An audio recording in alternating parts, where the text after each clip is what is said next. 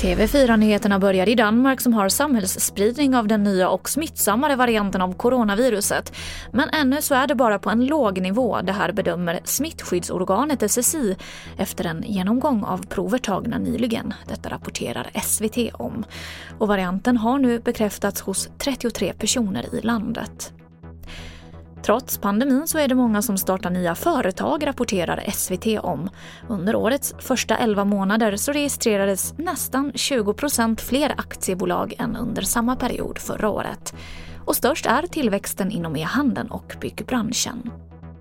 Minst 20 afrikanska migranter har dött efter att deras båt sjunkit utanför Tunisiens kust. Migranterna var på väg över Medelhavet och totalt befann sig runt 45 personer ombord på båten. Och jag avslutar med att en 104-årig kvinna i Sverige har tillfrisknat efter att ha varit sjuk i covid-19. Hon fick feber och hosta men det började sen vända. Och tre dagar innan julafton så kom alltså glädjebeskedet att hon var frisk igen. Och det var det senaste från TV4 Nyheterna. Jag heter Emily Olsson.